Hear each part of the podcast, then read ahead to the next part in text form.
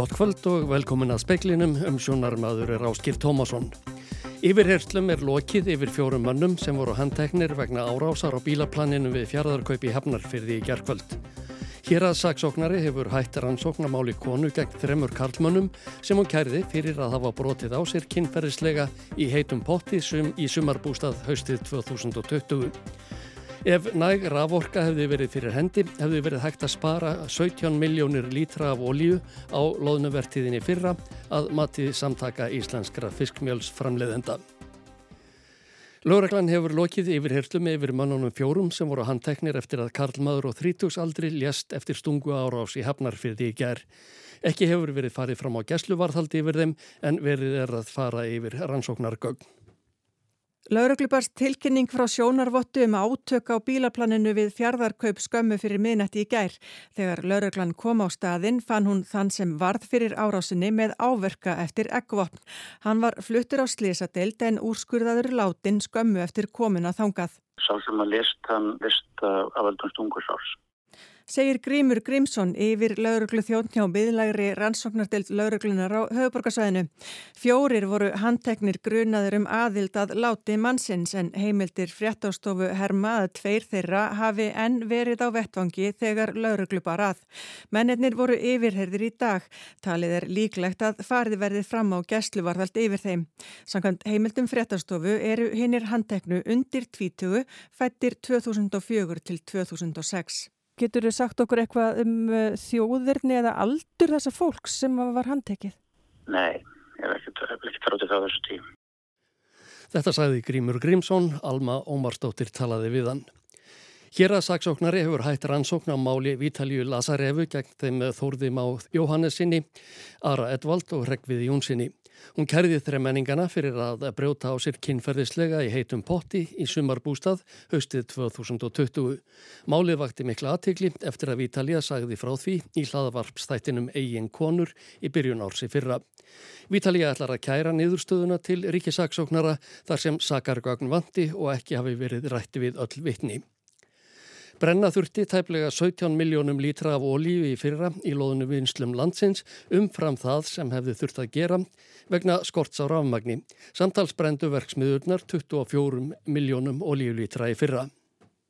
Í flestum loðnum verksmiðum er búið að endur nýja tækja búna þannig að hægt er að nota rafmagni stað ólíu. Félag Íslenskra fiskimjölsframlegenda hefur tekið saman tölur um ólíunótkun í loðnum verksmiðum í fyrra. Þá kemur í ljós að ef allar verksmiður landsins sem geta nota ramagn hefðu fengið þá orku sem þær þurftu hefði verið hægt að spara 17 miljóni lítra af olíu eða 17.000 tonn. Þá hefði heildarbrenslan numið 7.000 tonnum en ekki 24. Við brenslu á hverjum lítra af olíu falla til 2,7 kíló af koldvíoksíði.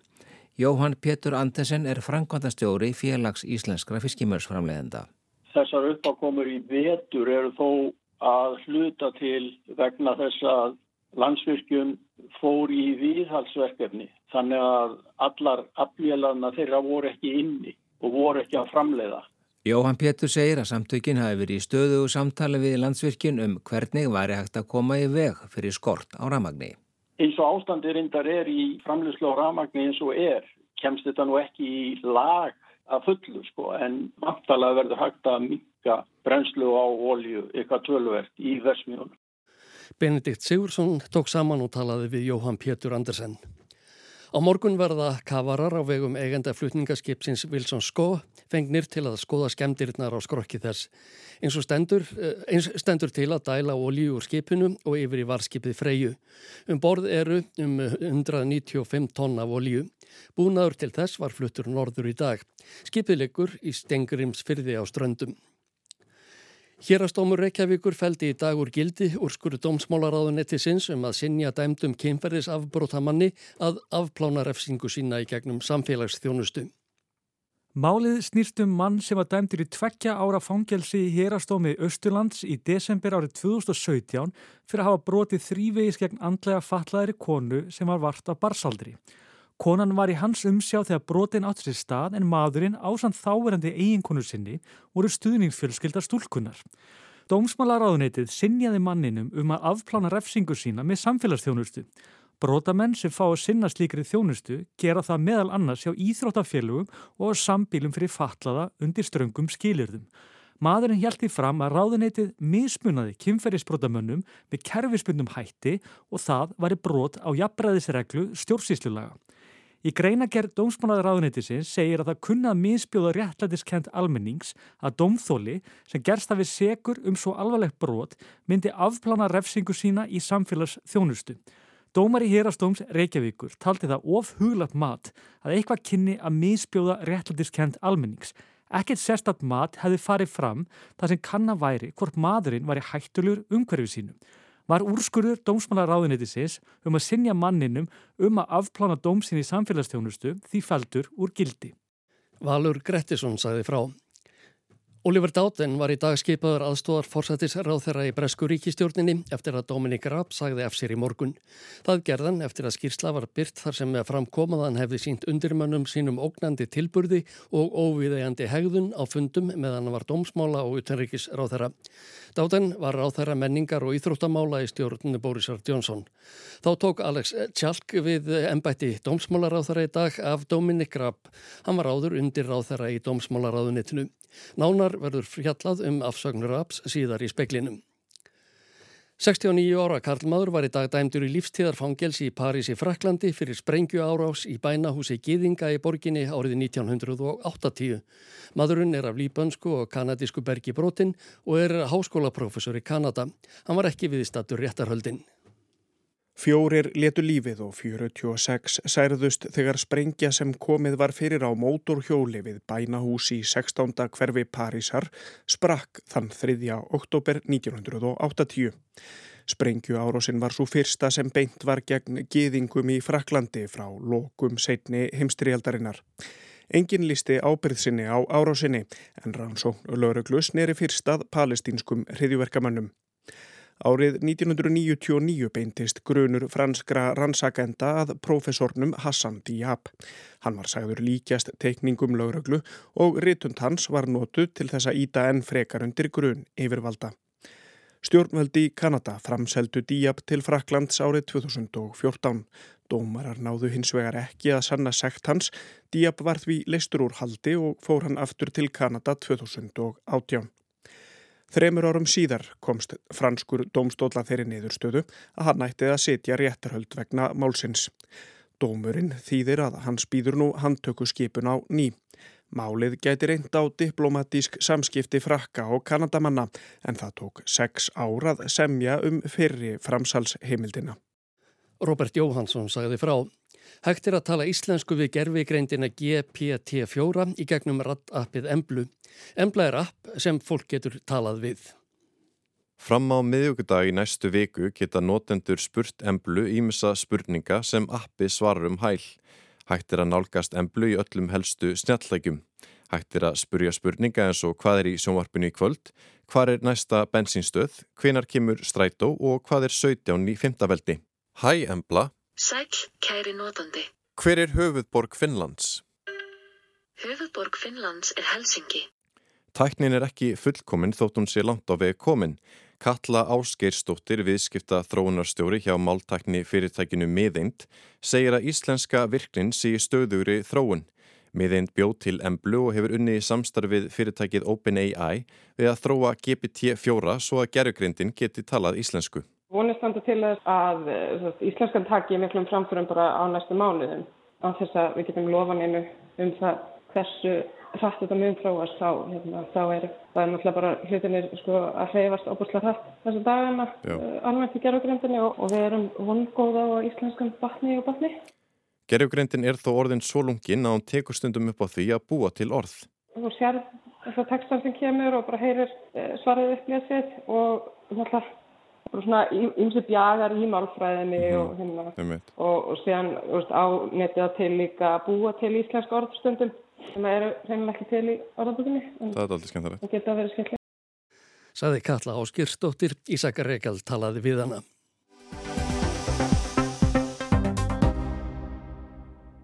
Annar valdamesti ráþherran í Bresku ríkistjórninu um árabil er horfin af hinnu pólitiska sjónarsviði í biliðað minnstakosti.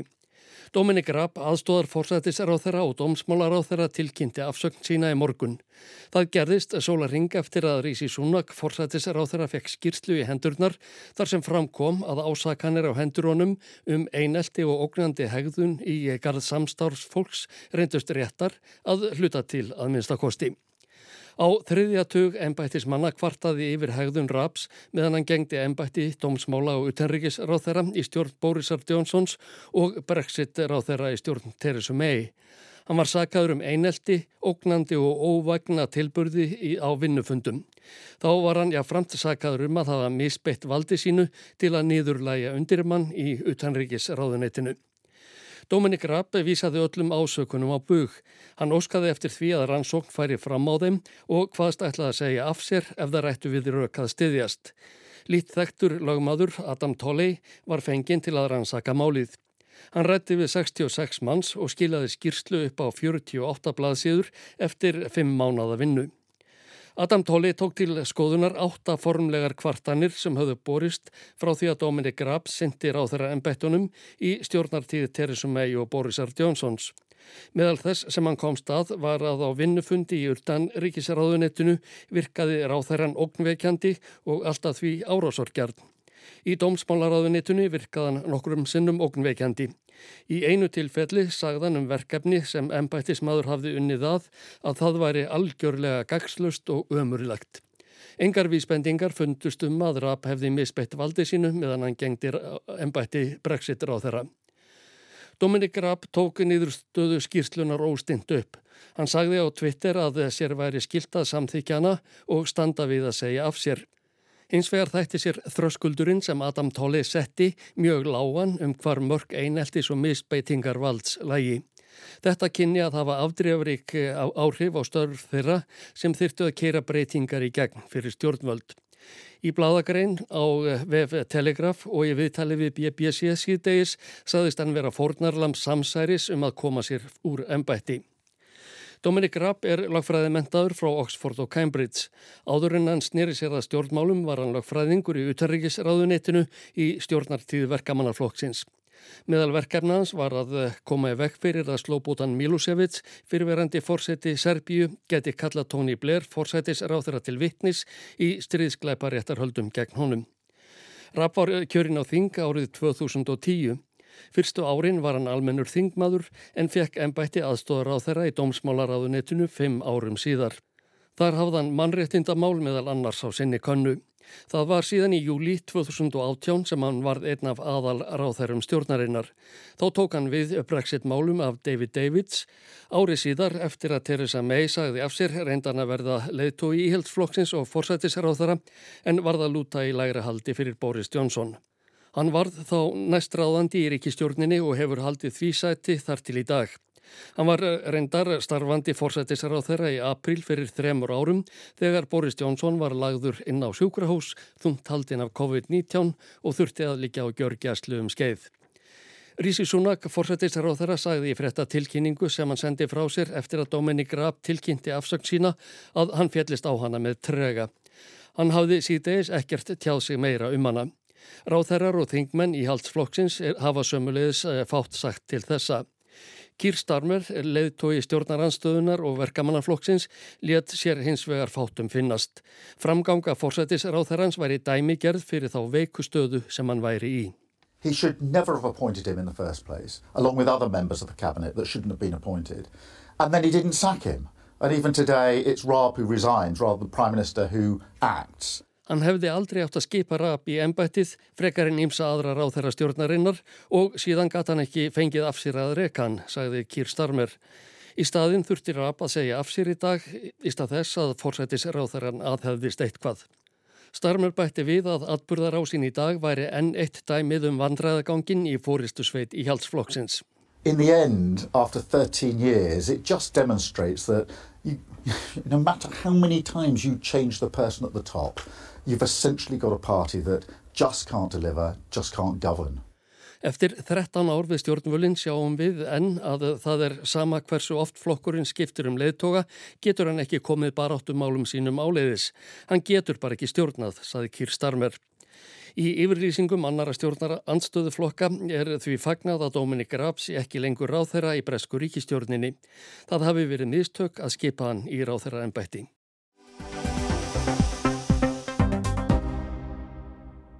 Í gær var fjárstofnin á siðri urriða á urðaður eftir að öllu fjö á bænum var lóað í byrjunvikunar vegna reyðusmits, 700 fjár.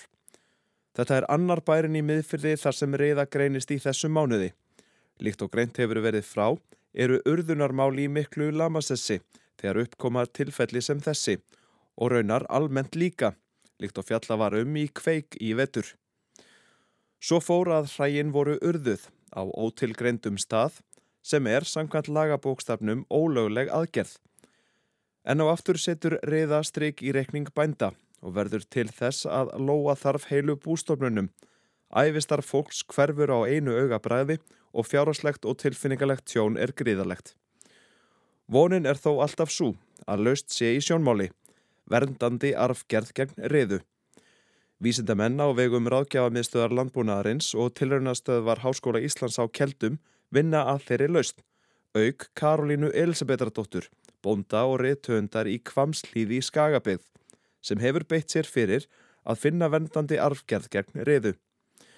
Hún segir að hægt hefði verið að standa öðruvísi að aðgerðunum nú. Já, að mínum mati hefði verið hægt að fara öðruvísi að. Það er sem sagt líka sérslega í samráði við þessa sérfrængar sem ég, ég nefndi sem hafa áratugi reynsla í príonsjúkdómum sem ríða heyri til og það hefði verið möguleiki að breyta núverandi reglugjörunum uh, þannig að það er hægt að skera ekki niður þess að hér allavega urða á heitur, uh, já, taka sérstaklega rástafanir sem koma í veg fyrir smittútbreyslu en í rauninni aðarpunkturinn er að rækta upp markvist og mjög fljótlegan hátt þessa verðandi aðgerð sem er kallað ARR og sem hefur voru mjög mikinn árangur síðustu 20 ár í öðrum löndum heimsins. En ef það var aðröðin voru núna var skorið nýður að öryða á, það var uh, að reglugjari leifa eftir þessa leið. Þannig að það var svo að segja bannað að skera ekki nýður.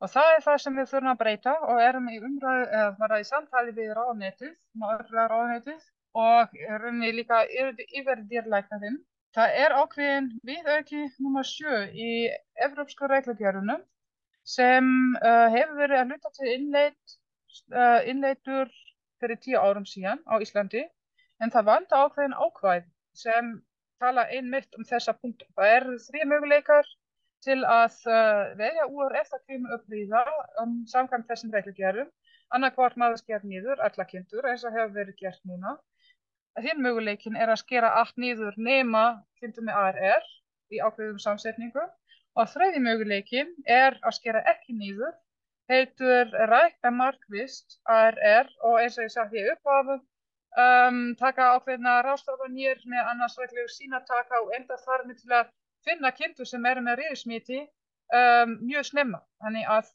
það er komin lausn svo að segja á tæknilegan hátt sem við getum ekkert gert nema reglugjörðunar passa við, þessa, við þetta umhverf sem erum búin að búa til á vísinlegan hátt þess að það er aðsafræðilegan grunn. Við verðum að fá lagalegan grunn til að komast áfram í þessu. Þetta, þetta er líkilatrið. Lausnið er þannig út að maður finnur leiði til að skera ekki lengur nýður eftir að við kemur upp í einhverji hjörð og þá er bara ekki nöðsynlegt að farga neitt. Það er þess vegna nákvæmlega hinum einn frá. Það þarf samt að hugsa um margt í þessu samhengi að bara, já, bara varlega að en ég held að séum við frekar góða málum þar sem við höfum unnið með uh, sérfræðingum erlendast frá í, já, síðustu tvö ár og uh, það er mjög góður og mikilvægi bakgrunni til að taka réttu ákvæðanir í þessu mhm. samhengi. Karolína segir að von sé á rannsóknar niðurstöðum í lok mæ sem gætu varpa ljósi á vernd fleiri arfgerða en þeirrar sem fannst í Þernunesi í fyrra. Þar rannsóknir hafa staðið í Fraklandi í vetur. Engin hætta sé á of miklum skildleika við innleiðingu verndandi arfgerðarinnar inn í stopnin og að eiginleikar ísliska fínu eigi ekki að glatast heldur þó að upprunnin yrði aðeins frá einum bæ. En hversu örugt er að reyða hverfi úr fíu með þessari innleiðingu? Ja, það eru sem sagt tvær leiðir sem við ætlum að fara. Eitt er sem sagt þetta með ARR. Það er örug að uh, þessi aðgjörð er verðböndi fyrir reyðsmiti. Það hefur bara sannað í meira en 20 ár í öðrum löndum.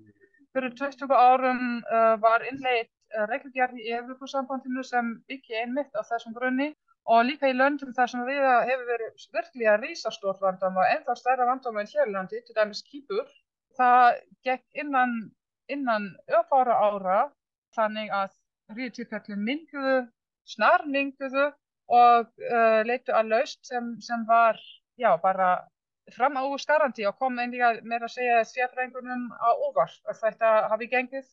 Og einmitt kýpur er mjög gott dæmi, uh, það var líka mjög látt útfall að er í börjun, bara einn rútur, nákvæmlega eins og hér, samt hefur það gengið upp að rækta þólinstopp án þess að skera alla kindum nýju sem tilheyra til dæmis einn hjörð þar sem einn reyðukind fæst. Það er svona öruvísi nákvæm sem sannar sig til dæmis á kýpur. Hinleiðin uh, er að rækta sem sagt hínar afgjörðir sem ég nefndi, meira annars það sem kannski sumi að hafa heyrt um, uh, kalla T187 sem virka verðandi á Ítalju og uh, auk þess eru ennig kannski þrjár afgerðir eða segjum kannski er svona ákveðin múlur á milli sem eru til íslenska stofnunum sem verðast hafa verðandi árið líka. Og það er einmitt sem sagði í vinslu í Fraklandi og þegar við erum komið nýðustuðu þar þá getum við sagt meira um hvað er ennig best, hvaða nákvæm er best, hvaða afgerði við ættum að taka inn auk ARR og uh, hvað er kannski gott að blanda saman Það er líka það sem við verðum að býða eftir til að taka frekari ákveðanir í þessa á. Þetta var Karolína Elisabethardóttir, Bjarni Rúnarsson rætti við hana.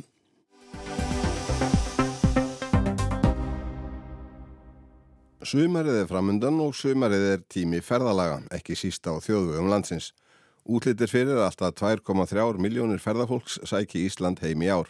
Stór hluti þessara gesta kemur í sömar og fjölmarki þeirra leia sér bíl til að ferðast um landið og bætast í hóp þeirra fjölmörgu Íslendinga sem þar er á ferðinni í hinnum ímsu og ólíku erindagjörðum. Þessir erlendu ökumenn og raunar hinnir íslensku líka eru mísjaflega vel undir akstur á íslenskum þjóðvögum búnir eins og gengur. En er íslenska vegakerfið tilbúið fyrir sömartrafikina? G. Pétur Mattíasson er upplýsingafulltrúi vegagerðarinnar. Já, ég myndi að segja það, vegakerfi veri alveg tilbúið til þess, það er ekki það mikið breyst nema við náttúrulega sífælt á vorin að vinna í þessu með hólurnar og, og, og skemmtir sem hafa orðið á, á klæðingu og, og malbyggi en við náttúrulega sinni því bara strax og setjum upp, stikur þar sem vantar og lögum vegrið og það er heilmikil vinna á vorin við að koma þessu í stand. En hvar kreppir skórin mest núna þetta vorið? Hvar verði þið aktífastir í, í hérna viðhaldsvinnunni? Það er, það er bókstaflega um all land. Við reynum að gera þetta þannig að, að kaplarnir sé ekki alltaf langir sem er verið að, að, að gera við í hvert skipti. Þannig að við sem ekki með allt og mikið undir í einu þannig, þannig að við skiptum þessu niður þannig að menn sjá kannski að það er mjög slæmt á einu stað og svo skára næsta eh, nokkri kílometrar á milli kannski þannig að, að, hérna, að það er skipulagt þannig að við séum ekki með 20 kílometra undir sem þarf að gera við eitt vorið og, og, og, og síðan ekkit meir í nokkur ár þannig að, þannig að þetta er allt í, myndi ég segja, nokkuð svona góðu skipulagi. Við myndum hérna að vilja fá tölvört mikið meira fjö í viðhaldið því að vegakerfið er dýrasta einstaka eign Íslands og, og við fáum ekki nógu mikið fyrir til þess að halda nema kannski mestarlegi horfinu sögum ár en við myndum vilja byggja upp eh, vegakerfið eða bæta það og halda því við þann, út á kúfi sem myndaðist eftir efnæðarsurni 2008 þannig að við erum ennþá að berjast við, við svona halla í þeim efnum. Þú segir að þessi dýrasta einstak, verðmættasta einstaklega eign uh, íslenska ríkisins, hversu verðmætt er hún? Þetta leipur á einhverjum fleiri hundruðu miljardar króna, ég er ekki með töluna í hausnum, en þetta er, þetta er mjög stór tala og, hérna, og við þurfum, tíu, við þurfum, við fáum svona 10-12 miljardar á ári í viðhald og við þurftum tölvert meira. Hversu miklu meira? Það er 2-3 miljardar minni mig sem eitthvað þarf svona til viðbútar á hverju ári til þess að hérna, fara að vinna aðeins á þessum kúf og síðan er vegakerfuna alltaf að stekka og það verður dýrar í rekstri og það verður dýrar í viðhaldi eins og til dæmis Suðurlandsvegurinn núna millir hverjargeris og Selfoss sem er að vera 2 pluss 1 vegur það þýðir það að það er bara mei, fleiri fermetrar að vegi þar sem þýðir meiri kostnaður bæði við að halda við og eins að þjónusta á veituna. Tölvört hefur verið um alvarleg slis í hópi erlendra ferðalanga á íslensku vegum á undanförnum árum og einni nokkuð um staði sem fengið hafa á sig orð fyrir að vera slisagildrur. G. Pétur segir mikið hafa verið unni að því síðustu árin að fræða þennan hópum aðstæður á íslensku vegum og það er hættur sem þeir geima og fækka slísagildrunum sem á þeim eru, þótt óneitanlega sé þar mikið verk óunnið. Sem dæmum á nefna vel rúmlega helmingur allra brúa í vegakerfunni er einbreyður eða 645 brýr af 1185. Á ringveginum er hlutfallið mun betra. Þar eru aðeins 30 af 225 brúm einbreyðar en þar voru 37 fyrir aðeins 5 árum. Þeim fækkar svo niður í 29 í vor og verða 26 þegar Hortanfjörðarfljót verður full brúað sem gerist á næstu tveimur eða þremur árum. Eftir situr þá á ringveginum, það eru margar stórar brýr eins og við Jökulsalónið og, og, hérna, og Jökulsáfjöllum og svo framvegis. Þannig að það eru margra miljardar framkvæmdir sem, sem eru kannski ekki alveg á næstunni og síðan eru nokkru staðir þar sem eru fyrir hugað að færa þjóðveginn þannig að við erum ekki að fara að byggja dýrar tvöfaldar brýr á kabla sem við ætlum síðan að færa eftir nokkur ár. Á móti kemur að einbreiðum brúm á öðrum hlutum vegakerfisins verður fækkað nokkuð á næstu árum, segir G. Pétur og það má meðar annars reykja til ákveðinar breytingar á umferðinni sem ferðamannaströymurinn hefur leitt af sér, ekki síst á vetrum. Þetta er ekki mjög mikil umferð í raun og veru á íslenskum vegum með það sem er viða elendis. Þannig að við ráðum alveg við nokkuð fleiri bíla en, en, en það sem er vandamáli er einmitt eins og þú nefndir eh, kunnatúrleysi ferðamanna á sér íslenskar aðstæður sem eru einbyrjaðabrýr og, og mala vegir og, og sumi vegir eru eh, ennþá pínliti mjóir. En það er, það er vetraferðamennskan sem er erfiðust og það er eiga við ferðamennina og genna þeim á snjó og, og veður á Íslandi sem fólk átt að sig sjaldan á Í stórum og stækkandi hópi akandi erlendra ferðalanga hér á landi eru flestir eflust ágætir ökumenn en ef markam á þrálátan og útbreytan orðrum er ekki nómið að hluti þeirra sé óvanur akstri við íslenskar aðstæður heldur sé það líka að finna fólk sem er óvant við að keira bíl yfir höfuð. Og þótt það sé ekki hlutverk vegagerðarinnar að uppfræða ferðafólk og enn síður að kenna því að keira þá horfir fólk þar á bæi auknum mæli til þess að óreindum ökumönnum fari fjölgandi á þjóðvögunum og þá er þetta hugtæk sem heitir fyrirgefandi vegur og það er eitt af því sem við erum að vinna að alla, alla daga líka með, með endurbútum á vegakerfinu. Við hefum sáum það til dæmis bara fyrir, það var mjög áberendi fyrir tveimur, þreimur árum, það var endur ekki ferðamenn sem var að kera en, en, en það var rúta sem fór út af í sandskeiði á nýjum vegi og hún helst bara hjólunum og fór bara út af og ekkert mál. Á sama tíma þá fór rúta út af, á Mósuseðinni þar sem var miklu herra niður og vald fór á liðina. Þannig að þetta er eitt af því sem við þurfum að vinna að áfram og munum gera. Það er að gera vegina þannig að þó að eitthvað komi upp á, þó að þú sért aukumæður sem erst ekki góður aukumæður og kanti ekki allt og mikið, að þá verði slís ekki til þess að, að hérna, eða óhaf til þess að þú slasist. Þetta saði ekki Pétur Mattíasson, Ævarörn Jósefsson talaði við hann. Og í lokin eru hér veðurhorfur næsta sólarring og þær eru svoljóðandi. Minkandi vindur í kvöld og viða þurrt en stöku skúrir sunnanlands. Veður fer kólnandi. Á morgun verður norð-austlæg eða breytilega 8-10 metrar á sekundu. Létt skíjað um landið norð-vestanvert en skíjað með köplum annar staðar og líkur á dálítilli vætu suðvestan til. Hiti yfir daginn verður frá frostmarki norðaustanlands og upp í sjöstík sunnan heiða. Fleira er ekki í speklinum með þessa vikuna. Tæknimaður var Mark Eldred. Frettir verða næst sagðar í sjónvarpi og ára ást 2 klukkan 7, útvarps frettir klukkan 10 og vefurinn er uppfærður allan sólarringin. Verðið sæl og góða helgi.